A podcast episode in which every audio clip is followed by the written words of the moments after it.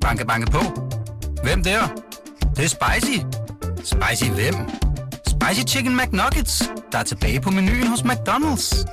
Badum, bom, tji.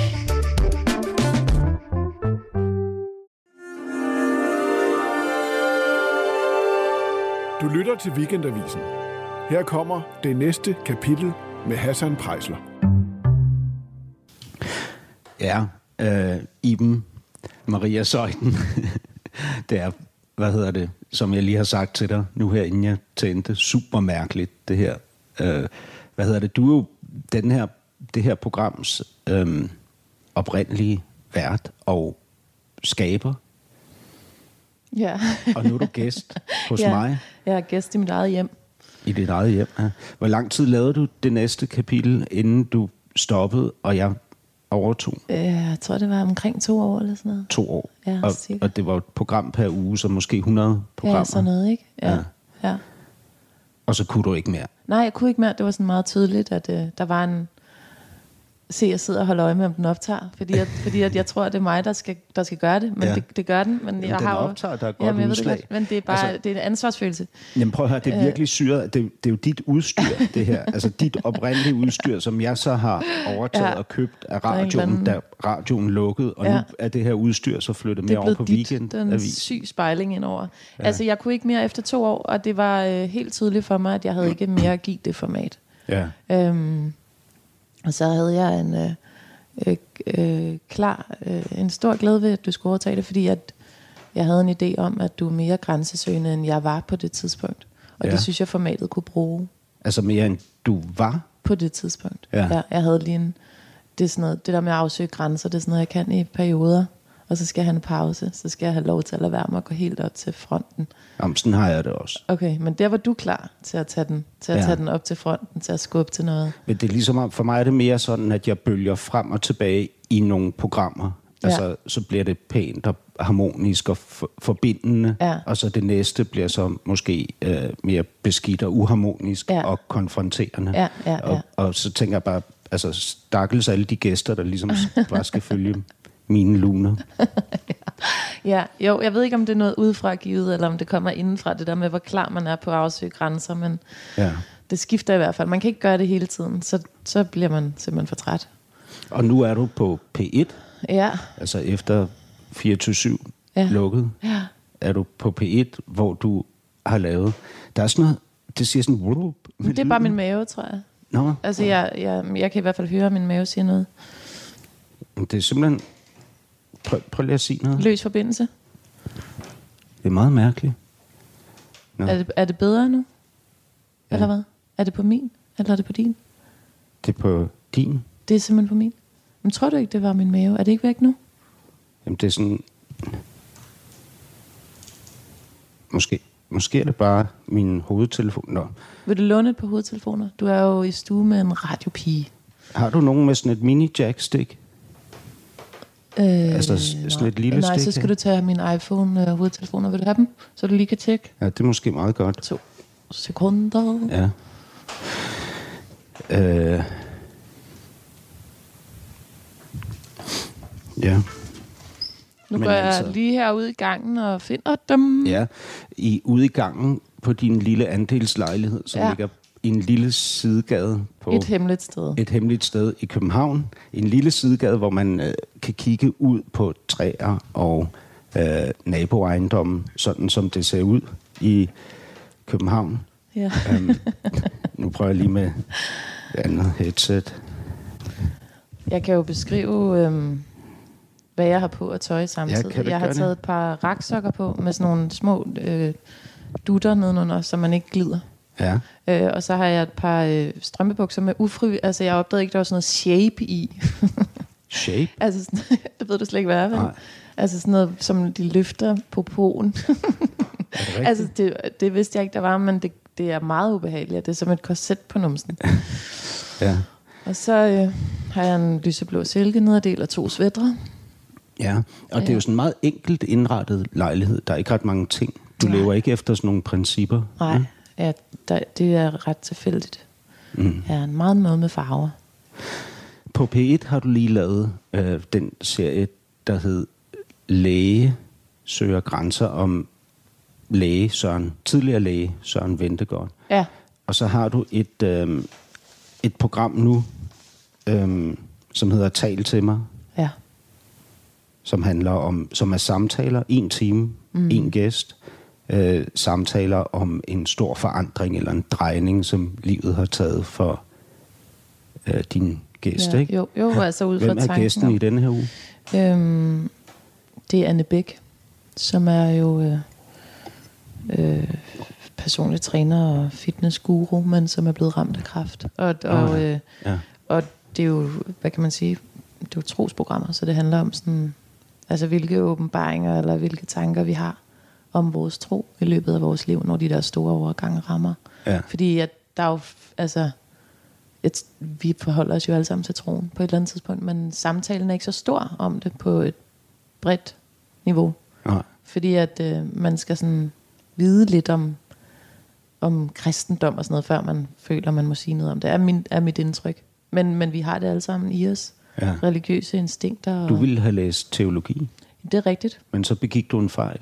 Ja, Altså, så, du kom øh, til at krydse forkert af, så du endte med at studere dansk. Ja, altså, øh, altså jeg ville gerne læse teologi, øh, men min vej har været lidt broet jo, fordi at jeg også kom til at begå en anden. Altså, det var ikke en fejl, men det var jo i hvert fald ikke med vilje, at jeg havnede på Danmarks Radio i tidernes mm. morgen øh, øh, i Som- 2004 som vært på P3. Øh, Som 19-årig på ja. et talentprogram. ikke? Ja, det var fordi, at jeg ville gerne tjene nogle penge. ja. Kom ud fra gymnasiet og tænkte, nu har man jo hele døgnets 24 timer til at tjene penge. Ja. Og så øh, tænkte jeg, at jeg kunne blive speaker. Ja. Ja. Fordi det havde jeg ligesom hørt, man kunne, og det var sådan nemme penge på en eller anden måde. Ja. Jeg skulle bare sidde og sige noget ind i radioen. Og så, øh, så søgte jeg det, jeg troede var sådan en stilling. Men så var det en øh, journalistuddannelse, altså sådan en mesterlæreruddannelse på Danmarks Radio.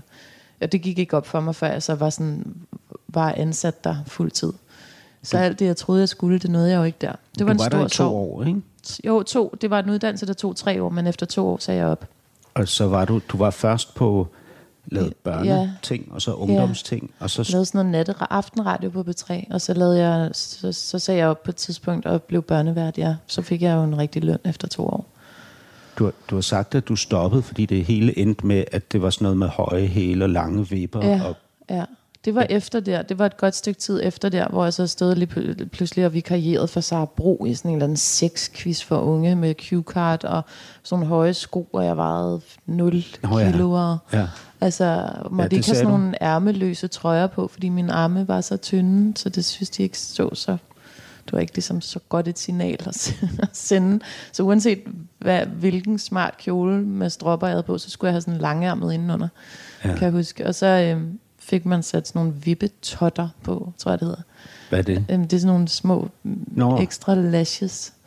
Øhm, Øjenvipper. øjenvipper og sådan noget. Og så, til, så lige pludselig så sad jeg sådan og lavede quizprogrammer og alt muligt med cue-card og fik højere og højere sko, hvor blev tyndere og tyndere. Og sad lige pludselig med sådan en coach på en café, der sådan skulle redde min synkende tilværelse og prøvede sådan at dele det op i sådan nogle... Hvorfor synkende? Jamen, jeg kunne ikke mere. Altså, jeg var helt...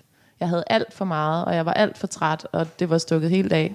Ja. Og jeg havde jo slet ikke nået at bo på kollegie og få en uddannelse og øh, tage på højskole og sådan noget. Jeg var bare ligesom gået helt glad og rundt fra gymnasiet og så ind på Danmarks Radio. Ja, fordi du siger om den første tid derude, at det var sindssygt spændende at være på DR. Der var lækre mænd og store fester. Jeg blev værdsat Mm, det synes jeg også, jeg gjorde, fordi jeg kom ind i et beskyttet miljø af lækre mænd af lækre og store mænd fester. Og store fester, ja. Som, Altså, jeg synes jo, de var gode til at passe på mig der, da jeg var på den der uddannelse.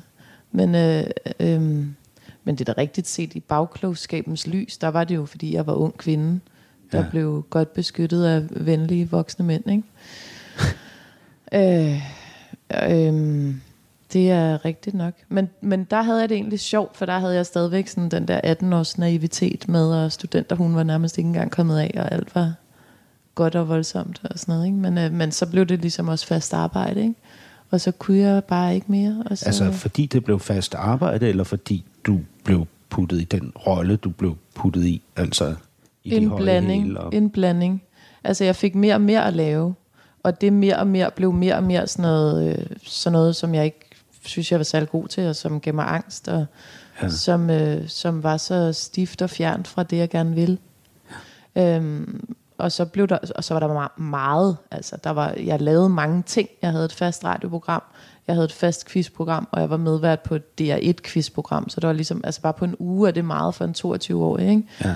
Øh, og, og jeg, samtidig var jeg jo i en krise over at have øh, forladt min flok, eller hvad man siger, dem jeg kom ud og blev student med, som, som kunne alt muligt med deres tid, ja. som jeg ikke kunne, og jeg var nødt til at gå tidligt altså hjem. Jeg blev sådan forsinket balletbarn på en eller anden måde, ikke? Jeg blev meget disciplineret, og øh, så det var, jo en, det var jo en krise, det med at, have, at være blevet skilt ad fra flokken så hurtigt, og uden at jeg havde noget at tage stilling til det. Jeg har haft sådan nogle øh, øh, øh, balletbørn i mm. programmet. Det er mm. du måske også, dengang mm. du var vært på det. Altså, der er jo sådan noget med, at de, de ligesom... De bliver for hurtigt voksne. Mm. Og øh, skrøbeligheden, altså den ungdomlige skrøbelighed, bliver sådan en besværlig følgesvend, som skal overvindes mm. for enhver pris. Er det, er det også noget, du vil sige om dig selv?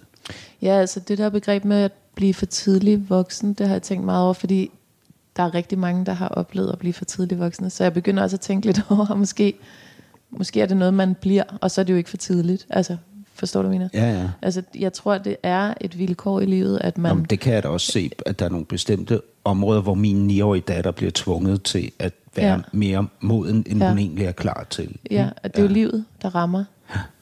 Men, men hvis det er øh, kontinuerligt og massivt, så mm. kan konsekvensen, tror jeg, være, at der bliver sider af en selv, som er naturligt ja. tilhørende ja. den alder, man er i, som man simpelthen bare bliver nødt til at ja. Pakke væk. Altså, jeg, det tror jeg er... En Eller vil skamme sig over. Ja, det tror jeg er rigtigt udtrykt. Altså det vil jeg så sige, det har jeg oplevet i bølger igennem mit liv mange gange.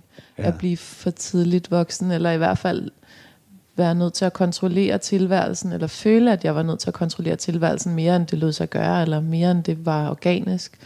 Men, øhm, Hvad tror du konsekvensen er af det? Jamen altså, jeg, jeg lavede jo også en kalkyle, der hed, at jeg bliver for tidlig voksen, for at jeg senere kan være barn længere. altså, jeg... Altså, det, det tænkte du ligesom på ja, det tidspunkt, ja. som 19-årig? Ja, fordi hvis jeg fik... At der er et regnskab? Ja, Okay. Hvis jeg fik lagt mig en god karriere, så kunne jeg få en fleksibilitet senere, som dem, der havde fire år til at bo på kollegie og øh, øh, øh, gå på studie og have hele den der frihed, som de jo ikke havde på det tidspunkt. Fordi så efter 4-5 år, så rammer virkeligheden, skal man ud og have arbejde. Ja, ja eller, eller at tillade sig at være skrøbelig. Mm. Fleksibilitet og skrøbelighed og kreativitet og ja. alle de der ting har jeg jo, har jeg, jeg har jo fået min, min barn, barnlighed igen, eller Jamen, mit barneliv hvornår fik igen, du det så igen?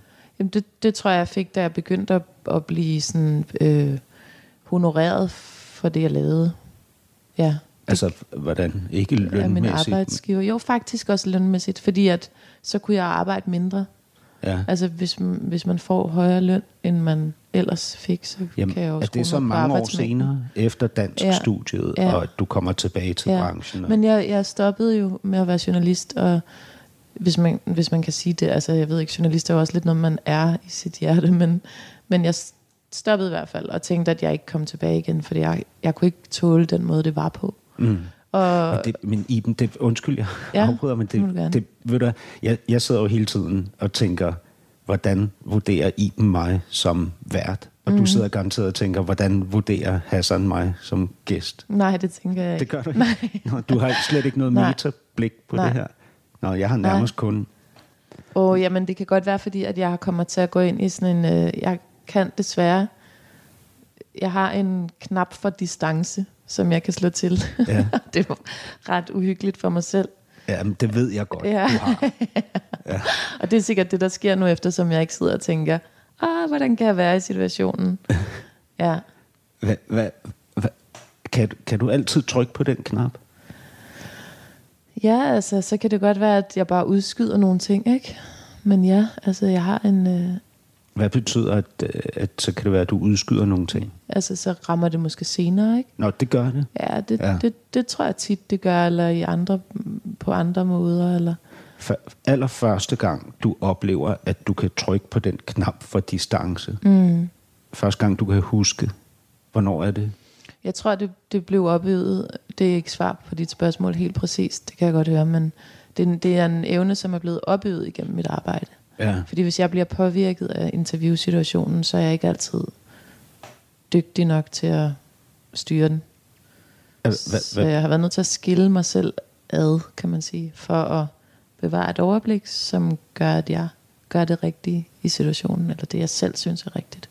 Okay. Så det, hvad, det hvad ville der den- ske, hvis du ikke kunne styre den? Så ville jeg have fået mange flere slag, end jeg har fået i dag. Ja. Så ville jeg have fået, så ville jeg have, det er et giftigt miljø at være kvindelig studievært og ung. Det er giftigt. Ja. Det er meget, meget alvorligt, det man udsætter sig selv for. Ja. Så hvis ikke jeg havde haft Men, men nu her i dag som 28-årig, hvor du stadig har en knap for distance, du kan trykke på, hvad tænker du, der ligesom vil være konsekvensen af, at du ikke trykkede på den? Jeg er i tvivl om, hvor vi er tidsmæssigt lige nu. Nu er vi, øh, Altså lige nu her, Ja. for nu er jeg 34 jo. det står der også her. Det var bare lige tidsmaskinen, jeg skal lige sådan stå af i det rigtige årti. Ja, der står her, at du er født den 27. juli 1985, Yes. og det gør dig til lige præcis Ja. 34. Ja. jeg skulle bare lige, jeg vil gerne svare rigtigt jo. ja. Øh, nej, altså det kan da godt være, at jeg begynder at kunne, burde kunne slappe af. Jeg, jeg har haft den her diskussion rigtig, rigtig meget med, med en af mine øh, venner, fordi, og, og, og i det hele taget med nærmest altså med, med mange, også med, med nogen fra Danmark, havde jeg bare sagt, altså nogle lyttere og Nogen fra Danmark. nogen fra Danmark. Ja. Er det det, du kalder din nye arbejdsplads? Hedder den bare Danmark? det, det, det, det er simpelthen Danmark, ikke? Altså Danmarks Radio? Ja, øh, nej, altså lytterne tænker, jeg har haft diskussionen, det der med, hvorfor, hvorfor, hvorfor er man så selvhøjtidlig? Hvorfor griner man ikke mere af sig selv? Hvorfor er man så kontrolleret? Hvorfor er man altid så forberedt? Hvorfor? Det, det er jeg jo blevet anklaget meget for, alle de ting. Ja. Øhm, Anklaget? ja, det synes jeg da bestemt, altså gennem mit arbejde og min tid med interviews, at jeg er stiv, og jeg holder mig for stram til mine koncepter og alt det der. Nå, er det Og- rigtigt? Ja, ja, ja. Det, det, det tror jeg også, du... Det, det, vil- det, det er helt tydeligt for mig. Men jeg tror, at... Øh, jeg vil bare sige, at det er ikke sådan at give slip på, hvis man, hvis man, øh, hvis man har været øh, ung kvindelig vært. Fordi at øh, der er øh, der, der er simpelthen øretæver i luften fra dag et. Og, og derfor har jeg tænkt ret tidligt, også som 19-årig, at hvis jeg skulle klare det, så var jeg nødt til altså, at have mit fuldstændig på det rene. I hvert fald, hvordan jeg, altså det jeg selv forbinder med det rene. Ikke? At, jeg, Ja. at jeg vil kunne stå inden for alt, hvad jeg gør. Jeg vil kunne argumentere for alt, hvad jeg gør. Og det er jo selvfølgelig noget af en opgave at sætte sig selv Er på. du sindssyg, mand? Især som 19-årig, ikke? Jo.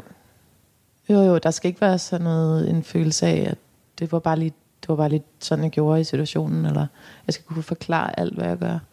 Og det er jo selvfølgelig på den lange bane et sted, hvor man kunne arbejde øh, med sig selv, altså se, hvad sker der, hvis man bare siger, at jeg begik en fejl, eller øh, jeg ved ikke, hvorfor jeg gjorde det sådan, det gjorde jeg bare. Det har jeg ret til. Men det er jo også... øh, Nu, nu sagde du, at du udskød svaret på, hvornår det var første gang, at du oplevede, Ja. at du trykkede på øh, din knap for distance. det er fordi, jeg ikke kan huske den første gang, men jeg er ret overbevist om, at, øh, at det har været øh, på arbejdet. Altså, så det er Ja. opstået der i de sene Jeg tror faktisk, det, ja, jeg tror, det startede med, at, øh, at øh, i gamle dage på B3 sad man foran sådan en computer, og det gør man måske stadig, det gør man sikkert stadig, hvor man kan få sms'er ind fra lytterne. Ja. Og øh, øh, de sms'er der, det øh, gjorde det ret hurtigt klar for mig, at jeg var nødt til at kunne skille mig selv fra mine følelser.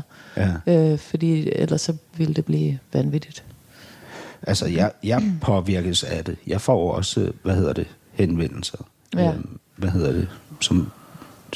Jeg ved ikke, om de er som dem, du får, men jeg får dem. Ja. Altså også virkelig, ja. virkelig Ja. tossede henvendelser. Ikke? Ja. Øhm, men jeg er 50. Ja.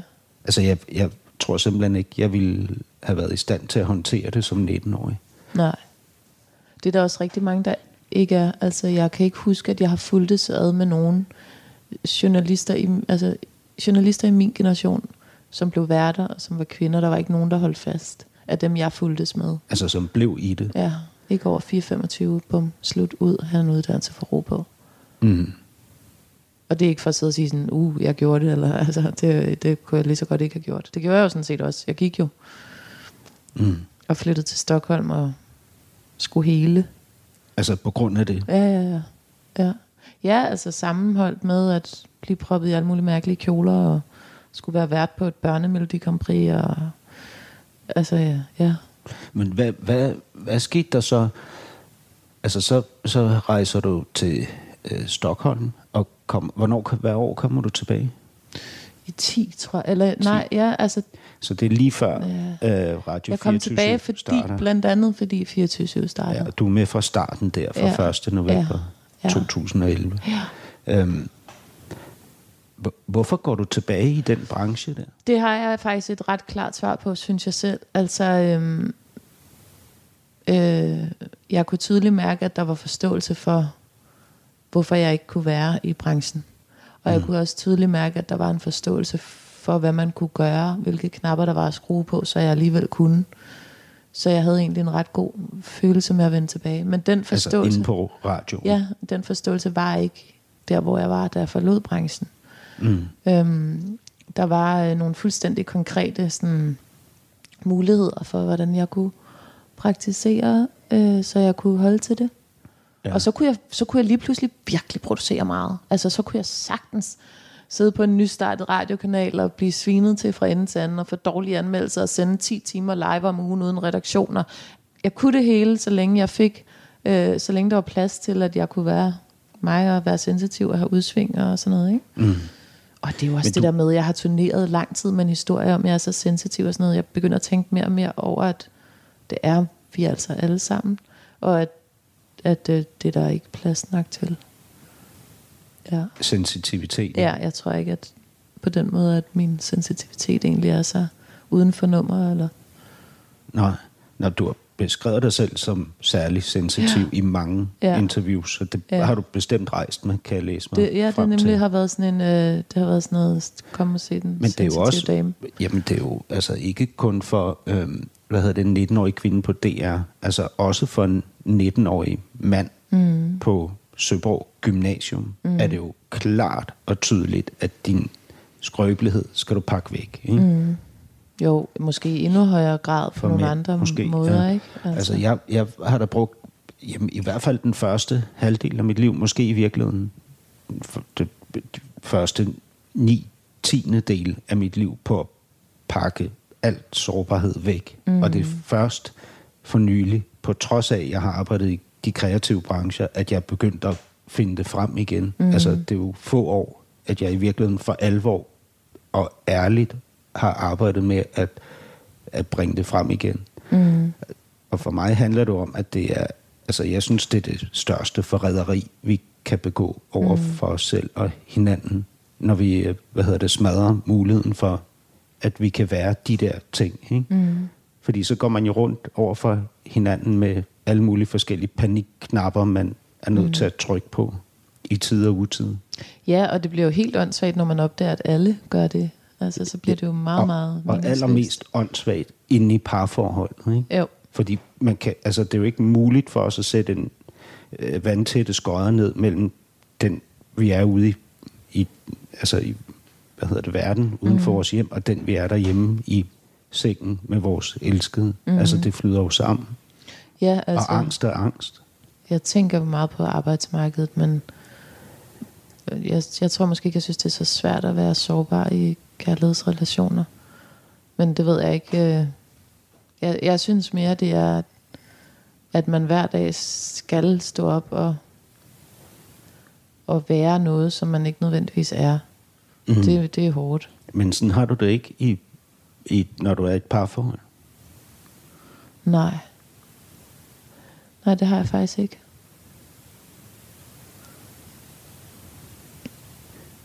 Så har jeg alt muligt andet, men Jeg tror, mit har været øh, altså multipliceret i parforholdet. mm, Altså helt klart. Hvorfor? Altså fordi skrø, hvad hedder det, risikoen er større der for mig, end den er i karrieren. Så du tænker, at hvis altså, du kan- viser sårbarhed, så mister du din partner? Altså kan så kan jeg blive, øh, hvad hedder det, trådt på, ydmyget, kasseret, spyttet ud, mm. efterladt blødende på gaden. Så du har ikke tillid til, at dine næreste personer håndterer din sårbarhed respektfuldt? Altså, hvis du spørger sådan med et blik hen over mit liv, Mm. nej. Men hvorfor Bestemt har du ikke ikke. den tillid, at det, det, må, det kommer jo desværre nok meget tidligt ind i dit liv, hvis det har sat sig så meget fast, ikke? Du, har, du må have oplevet, at din, at din sårbarhed ikke er blevet håndteret respektfuldt. Øh, ja, absolut. Altså, ja, ja. Øh, og det har jeg da helt klart også gravet i, i forhold til mine forældre. Mm. Absolut. Øh, selvfølgelig kommer det et tidligt sted fra, men det bliver jo også bekræftet. Mm. Altså, øh, det, blev, det bliver jo bekræftet, fordi det, jamen altså, første gang man står der, altså med helt ny kønsbehåring, og de andre drenge i omklædningsrummet til gymnastik, ikke? der øh, finder man jo ud af, at ens kropslige skrøbelighed mm. er det, der kan udsætte en allermest ikke? for krænkelser og smerte og angst og så videre. Mm. Første gang jeg lå og kyssede på en pige, som jeg virkelig gerne skulle have virkelig gerne ville have skulle være min kæreste, og jeg så kommer lige efter hun har lagt hånden på mine bukser, ikke? Mm. Øh, og, og hun siger, at det er fint, men kort efter kan jeg høre hende stå og tale med sin veninde ude på toilettet, og altså undertrykke de vildeste grineflip ikke? Mm. over det, de, hun lige har oplevet. Ikke? Mm. Altså sådan nogle ting, det er jo sådan en opsummering af, af oplevelser, der ligesom skaber sådan et samlet billede af, at det er ekstremt utrygt derude. Mm. Altså prøv at høre, jeg er langt mere bange for kærlighedstabet i det nære, end i det brede. Altså mm. det fjerne, offentligheden, karrieren og alt det, det synes jeg er fuldstændig ligegyldigt i sammenligning med det andet. Mm. Men du må da også have oplevet mange gange, at du har gjort dig sårbar, hvor det er blevet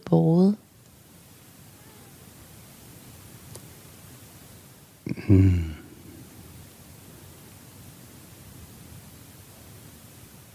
Ja, men det har jeg ikke tur at stole på. Mm. Det skal jeg blive 49, før jeg gjorde. Og det skyldtes udmattelsen af det andet. Altså, mm. at jeg tænkte, hvis jeg skal nå at opleve det, inden det er for sent, så skal det være nu.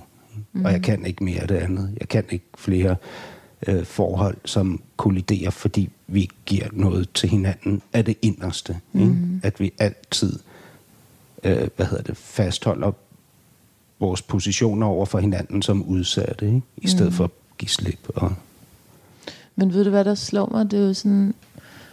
Det lyder virkelig banalt, men, men, øhm, men du har jo været, du har jo været meget, meget, du er et meget, meget følsomt menneske. helt Det er ekstremt. lidt noget andet end at være sensitiv, men du er et meget, meget sårbart og følsomt menneske, ikke? Ja. Fordi at den der situation med pigen, der grinede i telefonen, det kunne jo også...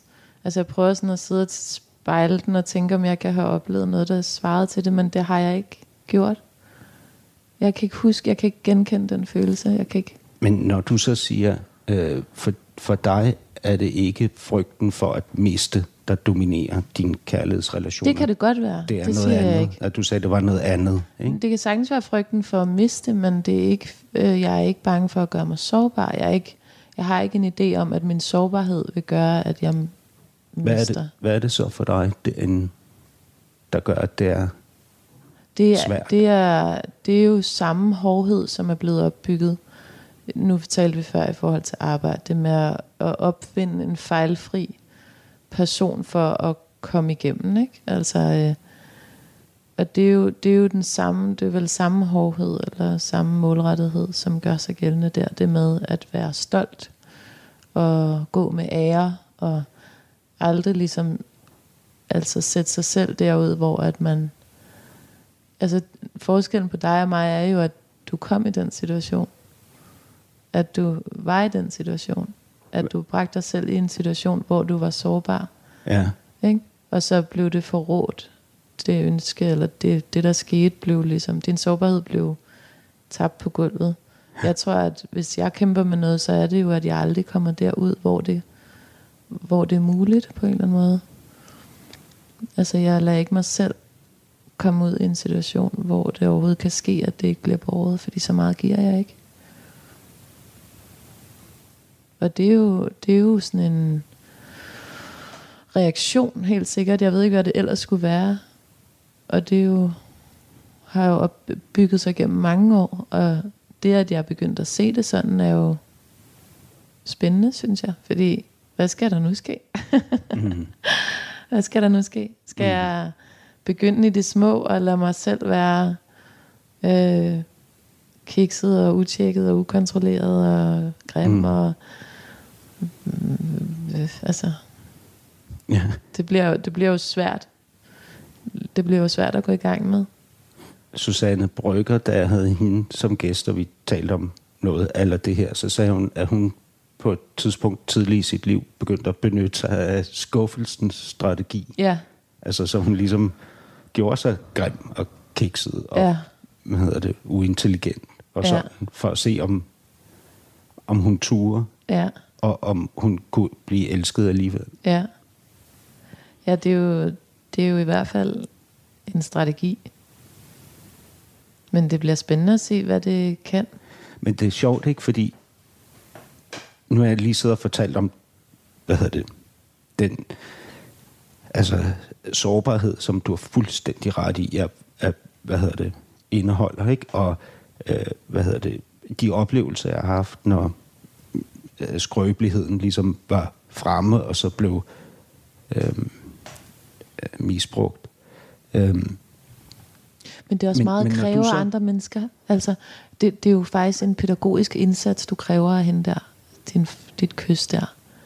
Det er jo ja. en pædagogisk indsats, og, og hvis hun skulle rumme det, at du kom efter fem sekunder, så, så skulle hun også gøre sig ældre og større, end hun var. Ja, men jeg har sådan set heller ikke nogen... Øh, altså, jeg kan huske hendes navn og hendes, øh, hvad hedder det, øjenfarve og kropsbygning og det hele. Jeg, jeg er sådan set ikke øh, vred eller irriteret eller skuffet over hende. Mm. Altså, egentlig ikke. Hun var jeg, bare barn jo nærmest, Ja, ja, vi, vi var 15. Ja, ikke? det er det. Altså, men, men når jeg fortæller om det, og du så siger, at du har faktisk aldrig været derude, ikke? Mm. hvor det kunne ske for dig, det her, så havde jeg troet, at jeg ville være enormt misundelig. Mm. Men jeg fik faktisk helt vildt ondt af dig. Mm. Jamen, det er da også hårdt. Det der sådan isoleret sted at være, ikke? Altså, ikke at kunne. Ja. Ja, men det er også, jeg ved ikke, det kan også være, at jeg sidder og lyver. Det er jeg faktisk meget i tvivl om, fordi jeg synes også, at jeg har været altså i situationer, hvor jeg har været meget afhængig af at blive holdt, og hvor jeg er blevet det. Så, så måske er det bare fordi i de afgørende situationer har jeg alligevel oplevet, at der var en hånd under det, men jeg er i tvivl. Jeg ved det ikke. Altså, jeg, jeg kunne fortælle mange historier, og jeg ved ikke, om den ene passer mere end den anden. Det, det er sådan noget, jeg tænker meget over for tiden. Det der med selvfortælling. Hvem er man overhovedet til at give den? Altså, det mindst objektive væsen på sig selv er jo en selv. Mm.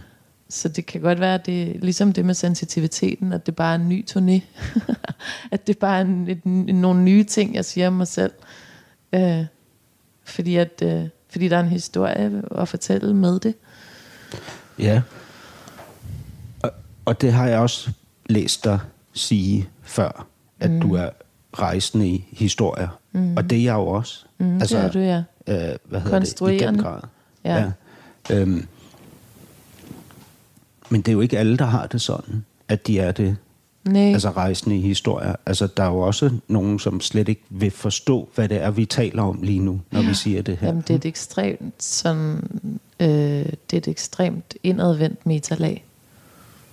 Ja. Det er det. Ja, og spørgsmålet er, om det ikke også er en form for beskyttelse mod et eller andet? Jo, det kan det sagtens være, men hvis ikke man gør det, så er det jo i hvert fald, så er det også blindt, ikke? Hvis det nu er de tanker, man gør sig. Ja. Så jeg kan ikke rigtig, øh, det er jo altid en balance, det med, hvor meget man skal dykke ned i noget. Ja. Det knirker. Ja, jeg er altid bange for, at der kommer nogen ind ad døren. Er du det? Ja, jeg, ja. Har, jeg, jeg har virkelig noget OCD med, med de døre der, altså. Med døre Ja, specifikt? altså specifikt døre, ja. Du taler om sådan en... Øh, er du 12-13 år, da din veninde dør af kræft? Er det sådan Nej, her? jeg var 24. 24? Ja. Okay. Øhm, Det, du er 12-13, da dine forældre bliver skilt. Det er ja, sådan, det er. Ja, ja. Ja, jeg har jo desværre oplevet to dødsfald øh, af venner. Ja. Og det har været meget øhm, definerende. Men, men Vi problemet kan er også jo... godt tale om skilsmisse, hvis det er det, du vil. Nå, ja, nej, det var faktisk fordi, du, du nævnte... øh, Nu bemærkede jeg bare lige, at du kiggede angst eller nervøst over mod døren, ja. da det knirkede. Ikke? Og øh, så vil jeg prøve at trække en tråd til det der, du taler om, da du mister din veninde som 24-årig. Ja. At, øh, at det er der, den... At det er der, din... Øh, du, du, kalder det den sekundære sorg opstår, ikke? Altså mm. den egoistiske sorg. Men problemet er jo i dem. Altså, hvis, hvis det er, som du siger, mm. at vi er, at du er historiefortæller, så vil det jo være lige meget, hvor jeg går hen. Mm. Fordi vi Ej. kan jo ikke vide, om det er en Det der, konstruktion. det der er ikke en konstruktion. Det er ikke en konstruktion. Det er jeg helt sikker på var sådan der. At der var, der var to sover i at miste min første ven. Ja. Den ene er sorgen over hende, og den anden er sorgen over mig. Og hvad, hvad betyder det? Jamen det betyder, at øh, sorgen over hende betyder selvfølgelig, at jeg mister hende. Sorgen over mig betyder, at jeg skal miste mig selv. Jeg skal dø. Ja, Når hun dør, så dør jeg jo også. ja. Og det, det, er, jo, det er jo sådan, det er. Jeg er så ikke død endnu, men ja, det, det, det havde jeg rigtig mange år, hvor jeg troede, jeg skulle. Øhm, og det var jo en stor sorg at opdage, at det kunne ske. Mm. Og det var, øh, det fratog mig helt bestemt en stor del af sådan naivitet på tilværelsen. Og det var der, det også begyndte at gå ned for mig at stå i de der høje hæle og have cue-cards og byde velkommen til et eller andet boldshow. Mm. Er, det- er, savner du den der naivitet? Altså den, det, hvad hedder Ja. det, det, den uskyldige tilgang til livet? Jeg har fået den lidt igen, synes jeg, fordi at når man får et barn, så hvis man har den tilgang, så bliver det næsten for hårdt at bære. Fordi, Hvis man har den tilgang, at... Altså, at, at man kan dø hvert et andet øjeblik. Så Nå, ja. det kan man ligesom på en eller anden måde leve med. Dårligt dog, men leve med, når man ikke har nogen børn. Men når det så bliver multipliceret med et barn. Ja. Altså, hvad sker der, hvis jeg dør fra ham hende? Eller hvad sker der, hvis ham hende dør fra mig? Så kan man ikke længere øh, have, øh, leve med den Nej. vidshed. Så nu har jeg valgt at gå ind i en osteklok igen, hvor jeg har lavet som om, at øh, jeg er uddødelig. Ja. Ja. Men, men øh, Iben, når der så ligesom er den der øh, knap, du kan trykke på for distance rent professionelt, ikke? og Jo. privat, så har der i hvert fald i den narrativ, du har haft indtil nu, været en, en fortælling om, at du faktisk helst ikke, eller måske aldrig har gået derhen, hvor du kunne risikere ydmygelsen. Mm. Øhm, øh, hvad gør du så med i forholdet til Kai, din søn, som er fem år gammel? Fordi det, der, der er det jo, hvad hedder det, frygt og mm. risiko for ydmygelse og kontroltab og Det er virkelig øh, utilstrækkelighed. Og, Ja. ja, men det er jo også derfor, det er den største lektie i verden at være ja. forældre. er du meget anderledes over for ham, end Ja. du er over for alle andre? Ja. ja, det synes jeg. Øh, jeg synes, det er det har helt klart været en opgave, som strider imod min naturlige måde at håndtere tilværelsen på. ja. Det er klart, fordi det er jo et kæmpe kontroltab.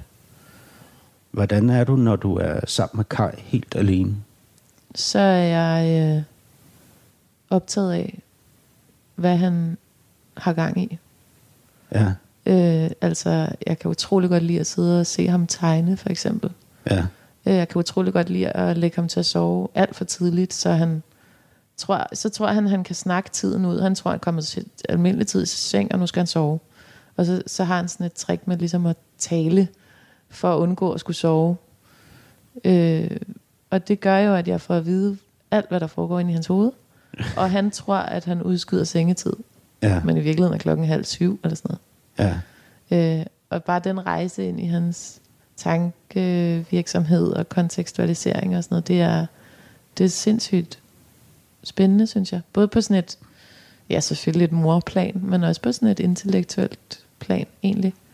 Og i forhold til ham, øhm, er, er, hvordan er frygtniveauet? Det har været virkelig højt, men det, men, men det er jo, de fleste fobier og tvangstanker er jo i virkeligheden bare sådan konkretgørelser af nogle kæmpestore frygte, som man ikke kan håndtere, og så så drøber de ud i sådan noget, jeg er bange for ballonger, eller jeg er bange for bananer, eller jeg er bange for æderkopper, eller hvad det nu må være. Ikke? Døren, eller døre, der knirker. Ikke? Altså, og øhm, i forhold til ham, hvad er det der? Eller hvad jamen, har så været? har det været meget sådan noget med små dele, da han var mindre, om han kunne øh, sluge det, og ja. vinduer, du kan se, der er, sådan, der er sådan nogle strips overalt på de her vinduer, selvom han er for stor til at falde ud på den der børneagtige måde. Ikke? Men, øh, men så nogen der, øh, gået og klappet på gulvet om natten, og sådan, for ligesom at være sikker på, at der ikke ligger en eller anden lille dut. Ja. Øh, så det har ligesom været meget det, det er kommet ud i, og i virkeligheden er det jo bare sådan den store frygt for ikke at øh, kunne styre, om, om han har det godt, ikke? Mm. Som så, sådan, jeg ser det meget som sådan de der drøbstenshuler, øh, som man kender fra gamle dage på Gran Canaria, eller sådan noget, ja. når man var på chartertur. Altså, der kommer de der drøb ned i lavaet. Altså, det er jo ligesom den store udefinerer bare alt for store, ubærlige sorg, frygt, angst, der sådan kommer ned i de der drøb oppefra, som så bliver de der konkrete problematikker med, om han sluger noget, eller falder ud af vinduet og sådan noget. Ikke? Ja. Er, er Kai en appelsin i din turban? Hvad betyder det? Jamen det er fordi, du har, du har talt om det her mm. med appelsiner i din turban. Du siger, det, det eneste, der nogensinde har spændt ben for mig, af mig selv. Jeg har fået den ene appelsin i turbanen efter den anden, men det har altid bare været mine egne forventninger til mig selv. Det troede Om det har jeg været i forhold til kærester, ja. det at være mor, eller på jobbet.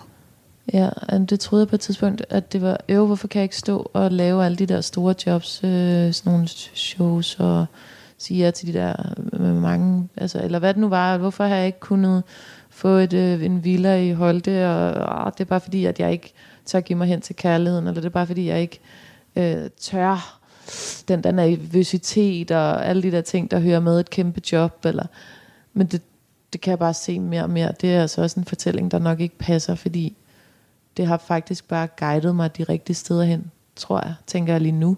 Altså, ja. jeg, jeg skulle ikke have fire børn på nuværende tidspunkt, og en kernefamilie, og jeg skulle ikke stå og være showvært i Horsens, eller sådan. Altså, det, det har faktisk været en venlig hånd, og, og i en overgang troede jeg, det var, det var forhindringer, jeg selv satte mig selv i vejen, og det var noget, jeg skulle arbejde med, men, men jeg kan jo se, at det, der er kommet i stedet for, har været godt.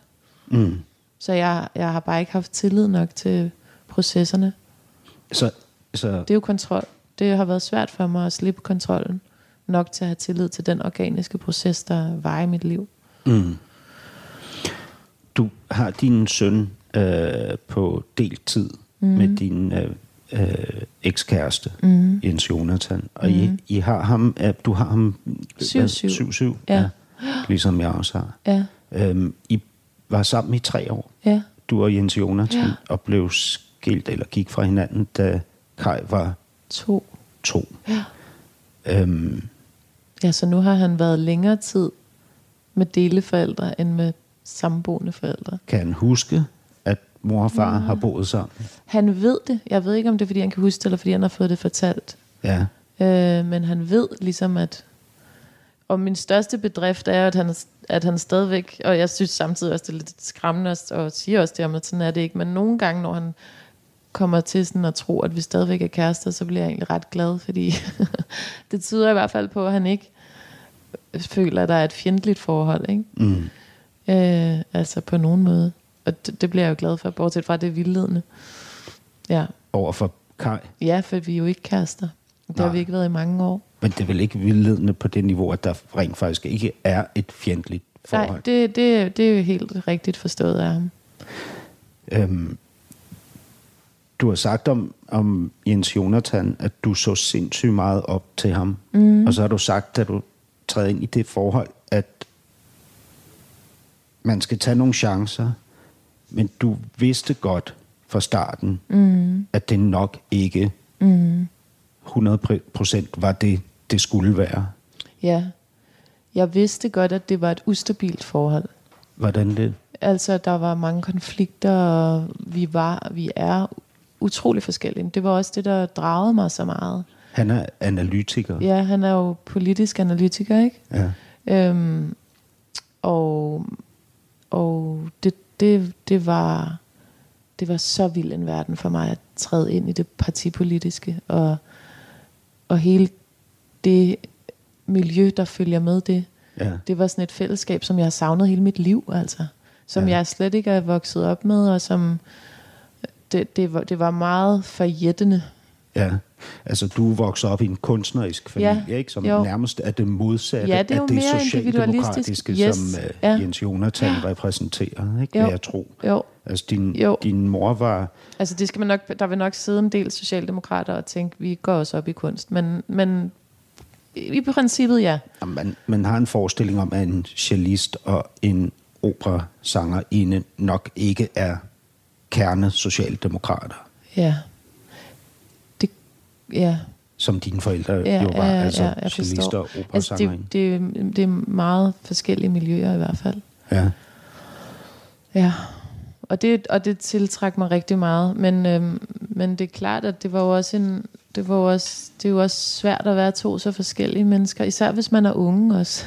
Det kan mm. godt være, at det er sådan en forskel, man bliver bedre til at håndtere eller tale hen over, når man bliver mere voksen, end vi var, øh, da vi mødte hinanden. Men på den måde vidste jeg godt, at det var en chance. Altså det var, okay, går den, så går den, så er det genialt. Øh, og hvis ikke den går, så prøvede vi. Ja. Og i hvert fald var jeg ikke i tvivl om, at det var ham, jeg ville øh, gerne have et barn med. Jeg, jeg følte en helt klar... Øh, jeg havde en meget tydelig overbevisning om, at det ville, det ville jeg gerne, og det ville blive et godt barn. Og Ja. det gjorde virkelig, det gjorde det også. Ja. det blev Altså, et virkelig dejligt barn. Men det er virkelig vildt, øhm, Iben, den der både øh, trang til og evne til at visualisere tingene, som du har. Altså, du, øh, du øh, kan gøre det i forhold til øh, som 19-årig, da du starter på Danmarks Radio, ikke? Øh, der kan du ligesom sige, okay, jeg offrer min, det, min sene mm. barndom, mm. min ungdom til gengæld for det her, mm. og så må jeg udleve den på et andet tidspunkt. Altså det kan du sige til dig selv, inden du træder ind i forholdet til Jens Jonathan, Kai, din søns far, mm. der kunne du ligesom sige, vi er meget forskellige, det har ikke de bedste chancer for mm. at overleve, hvis det gør det, så bliver det fantastisk. Mm. Og Ja. som barn kan du faktisk visualisere den karriere, du har nu, eller det liv, du lever nu. Mm. Altså du siger, at det, du forestillede dig som barn, faktisk meget af det, du lever i lige nu. Ja. Hvad er det? Er det en magisk evne, eller? Jamen altså, det kan, jo, det, kan jo, det, kan jo, det kan jo godt være kontrol igen. Det kan det godt være. Altså, så er det bagudrettet, eller hvordan? Nej, altså at man, som, at man træffer en beslutning om, at jeg vil have taget den her chance i mit liv, så derfor gør jeg det Ja. med, med mit barns far, eller med at give karrieren et ordentligt skud, så man næsten krakelerer på det, ikke? Ja. Øh, det kan det godt være, men det kan også være, ja, altså jeg har alt, men det er faktisk rigtigt, og nu siger jeg noget, som du sikkert har hørt mange gange før, og som jo tilhører de her dybe interviewformater, men, men du har set noget, som jeg ikke selv har formuleret i hvert fald, men jeg kan huske, at jeg siden jeg var barn har brugt tid til at brugt tid på at visualisere mig selv i ud i fremtiden. Altså, Ja. Og det, når man er barn, gør man det jo på en anden måde. Altså, så er det nogle andre dumme små scenarier, hvor man er inde i Øh, et puderum og danser til den sang, eller sådan noget. Ikke? Så er det sådan nogle der scenarier, og så når man bliver 18, så, så ser de anderledes ud, og når man er 34, ser de anderledes ud. Ikke? Men det er en verden, jeg går ind i, og så forestiller jeg mig det, og så går jeg ud igen, og så får jeg sat nogle skibe i søen, som måske kunne tænke sig at pege derhen. Men det er ret få, det er ret få øh, situationer, jeg sådan har taget ægte affære på det, fordi der er også mange ting, der sejler. Altså det sejler som udgangspunkt, faktisk.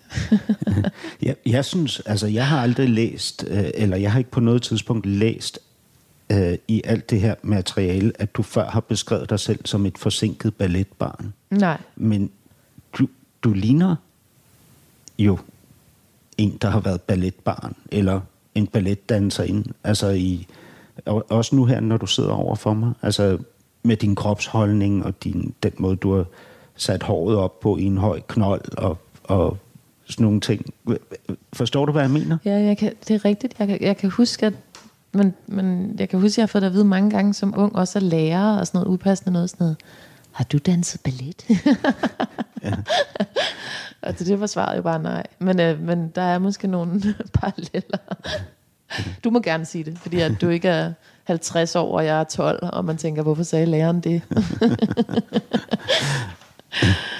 uh, Iben Maria Søjden, så første time af det næste kapitel gået. Vi ses igen til anden time, som ja. jo så bliver inde hos mig på Weekendavisen. Tak for nu. Tak for nu.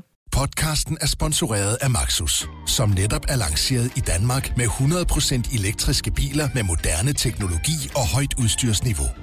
Find din forhandler på maxus-danmark.dk